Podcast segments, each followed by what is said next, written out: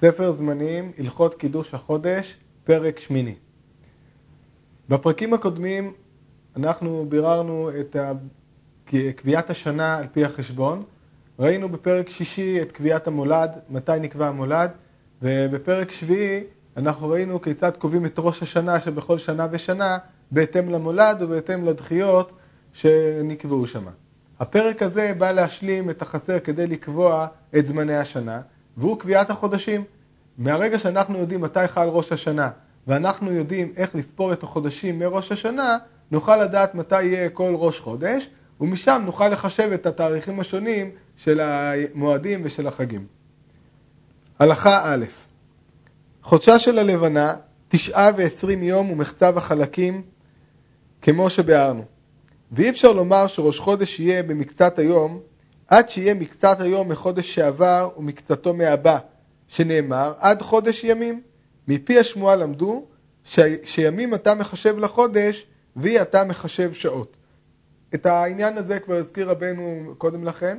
העיקרון הוא שאנחנו קובעים את החודש אך ורק על פי ימים שלמים, הן בזמן שקבענו את החודש על פי החשבון והן בזמן שאנחנו קבענו, קובעים אותו על פי הראייה. ולכן אנחנו צריכים לקבוע את ימי החודש כימים שלמים, למרות שאורכו של החודש הן על פי ראייה והן על פי חשבון הוא לא מספר שלם של ימים, אבל את החודש עצמו קובעים תמיד ולעולם לימים שלמים. ולכן יש לנו כל מיני קירובים ושינויים שאנחנו צריכים לעשות בקביעת החודש. ממשיך בהלכה ב', לפיכך עושים חודשי הלבנה, מהם חודש חסר, תשעה ועשרים יום בלבד, ואף על פי שחודשה של הלבנה יתר על זה בשעות, וחודש מלא משלושים יום, ואף על פי שחודשה של הלבנה פחות מזה בשעות, כדי שלא לחשב בחודש שעות, אלא ימים שלמים. אם אנחנו נקבע מקצת מן החודשים, חודשים של 29 ימים, ומקצת מן החודשים, חודשים של 30 ימים, אז אנחנו נוכל למעשה לקבוע את החודשים לעולם בימים שלמים, ועל ידי חישוב נכון של הדברים נוכל להתאים את חודשי השנה לאורכה של השנה, את אורך החודש לאורכה של השנה. הלכה ג' אילו היה חודשה של הלבנה תשעה ועשרים ומחצה בלבד, היו כל השנים חודש מלא וחודש חסר. והיו ימי שנת הלבנה 354 יום, שישה חודשים חסרים ושישה מלאים. אבל מפני החלקים שיש בכל חודש וחודש, יתר על חצי היום, יתקבץ מהם שעות וימים, עד שיהיו מקצת השנים חודשים חסרים יותר על המלאים, ובמקצת השנים חודשים מלאים יותר על החסרים. לו יצויר שהיה אורך החודש הממוצע 29 וחצי יום, יכולנו לקבוע חודש מלא חודש חסר, וכך היינו מגיעים לשנה של 354 ימים. אבל עקב התוספת שיש בכל חודש וחודש יותר מ-29 וחצי יום, לאט לאט נוצרים לנו תוספות של שעות שמתקבצים לימים, ולכן אנחנו צריכים למצוא איזושהי דרך כדי לקזז את היתרה הזו, וזה יפורט בהלכות הבאות. הלכה ד' יום שלושים, לעולם עושים אותו ראש חודש בחשבון זה. אם היה החודש שעבר חסר, יהיה יום שלושים ראש החודש הבא. ואם היה חודש שעבר מלא, יהיה יום שלושים ראש חודש. הואילו מקצתו ראש חודש, ויהיה תשלום החודש המלא שעבר. ויהיה יום אחד ושלושים ראש החודש הבא, וממנו הוא המניין, והוא יום הקביעה.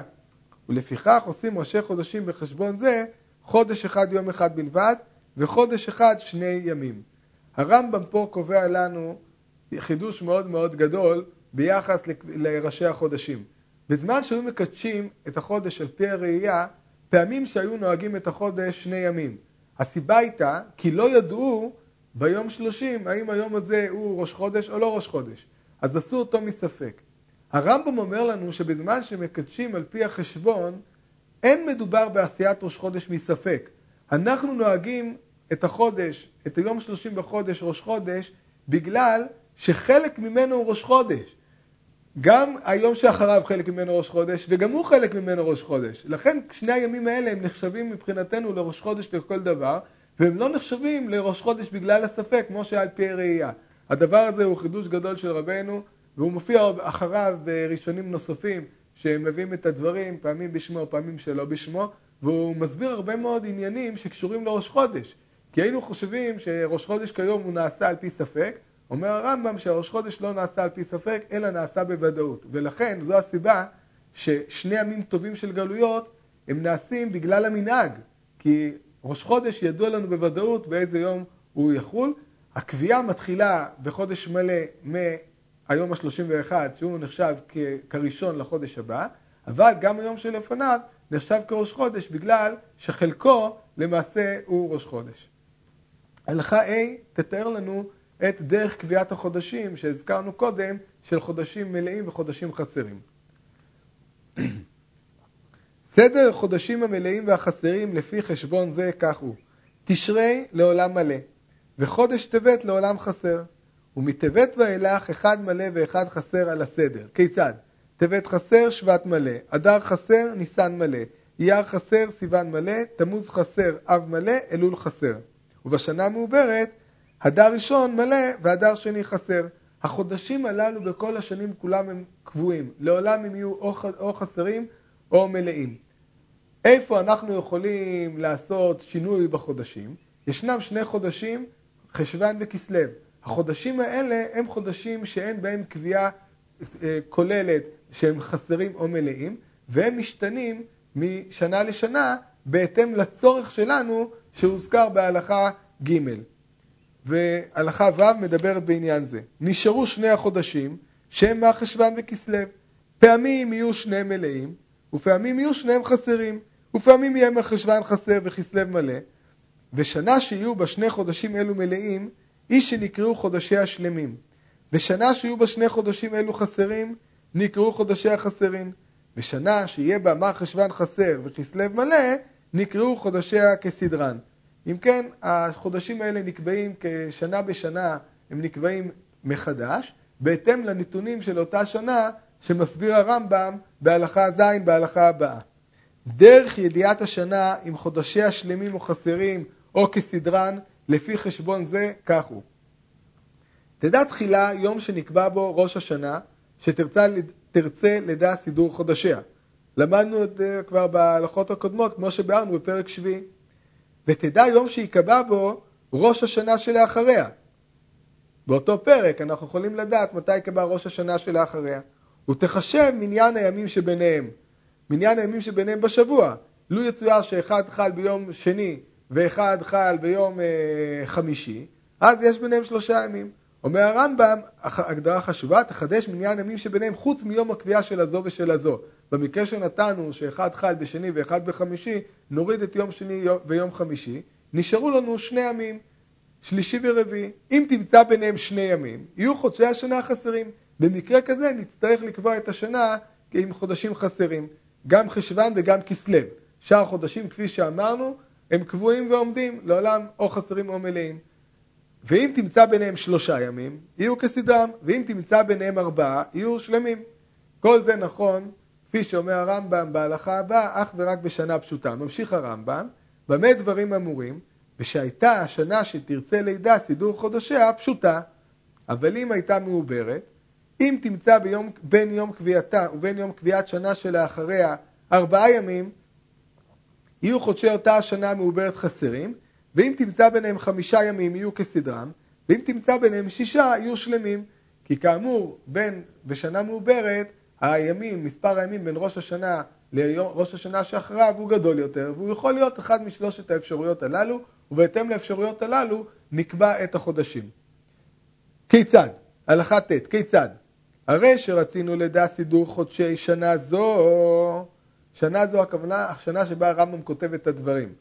על פי החישוב שערך אה, הרב רבינוביץ' ביד פשוטה, זה יצא שנת 4926 לבריאת העולם, כי על פי הנתונים שמציין לנו הרמב"ם בהמשך ההלכה, זה מתאים אך ורק לשנה הזו.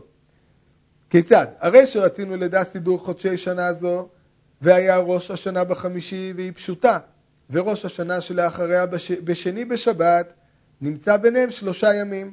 שלושה ימים, אם מורידים את יום הקביעה של שתי השנים, דהיינו יום חמישי ויום שני, נשאר לנו שישי, שבת וראשון, שהם כאמור שלושה ימים. נמצא ביניהם שלושה ימים. ידענו ששנה זו חודשה כסדרם. ואילו היה ראש השנה שלאחריה בשלישי, היו חודשי שנה זו שלמים. כי היה לנו אז חמישה ימים. אחד יצא בחמישי ובשלישי, אם נוריד את שתי הימים הללו, אז הימים שביניהם זה חמישה ימים אחרי שמורידים את ימי הקביעה. ואילו היה ראש השנה בשנה זו בשבת, ובשנה שלאחריה בשלישי בשבת, יהיו חודשי שנה זו חסרים, ועל דרך זו תחשב לשנה המעוברת כמו שביארנו. עד כאן הדרך לקבוע את חודשי השנה.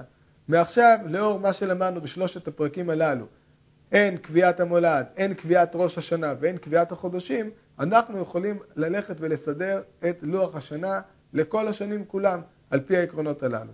מוסיף הרמב"ם בסוף הפרק הזה עוד הלכה אחת שמקילה לנו את החישוב של מה שלמדנו בפרק הזה, דהיינו את חודשי השנה. אומר הרמב"ם בהלכה י' יש שם סימנים שתסמוך עליהם כדי שלא תטעה בחשבון סידור חודשי השנה, והם בנויים על עיקרי זה החשבון והקביעות והדחיות שבארנו דרכם, ואלו הם. כל שנה שיהיה ראש השנה בשלישי, תהיה לעולם כסדרם לפי חשבון זה, בין פשוטה בין מעוברת. ואם יהיה ראש השנה בשבת או בשני, לא תהיה כסדרם לעולם, בין בפשוטה בין במעוברת. היא לא תהיה כסדרה, משמעות הדברים או שיהיו חודשי המלאים או שיהיו חודשי החסרים. ואם יהיה ראש השנה בחמישי, אם פשוטה היא, אי אפשר שיהיו חודשי החסרים לפי חשבון זה.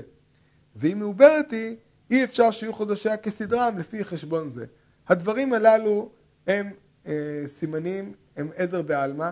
לא נפתח כרגע את כל מערכת החישובים, ניתן לראות אותם אה, אצל אה, הרב רבינוביץ' ביד פשוטה, אבל אם אתה בוחן את השנים ואת האפשרויות השונות שיכולות להיות לקביעת השנה ולקביעת החודשים, אז יוצאים לך הכללים הללו שהם עשויים להקל על הבחינה של חודשי השנה, אבל כאמור, גם בלי הסימנים הללו, בסופו של דבר, דרך קביעת חודשי השנה היא לא כל כך קשה, היא דרך די פשוטה, וכאמור, לאור מה שראינו עד כה, אפשר לקבוע את לוח השנה לכל השנים כולם, מבריאת העולם ועד שיפסיקו לקבוע את השנים על פי החשבון ויחזרו לקדש את החודשים על פי הראייה.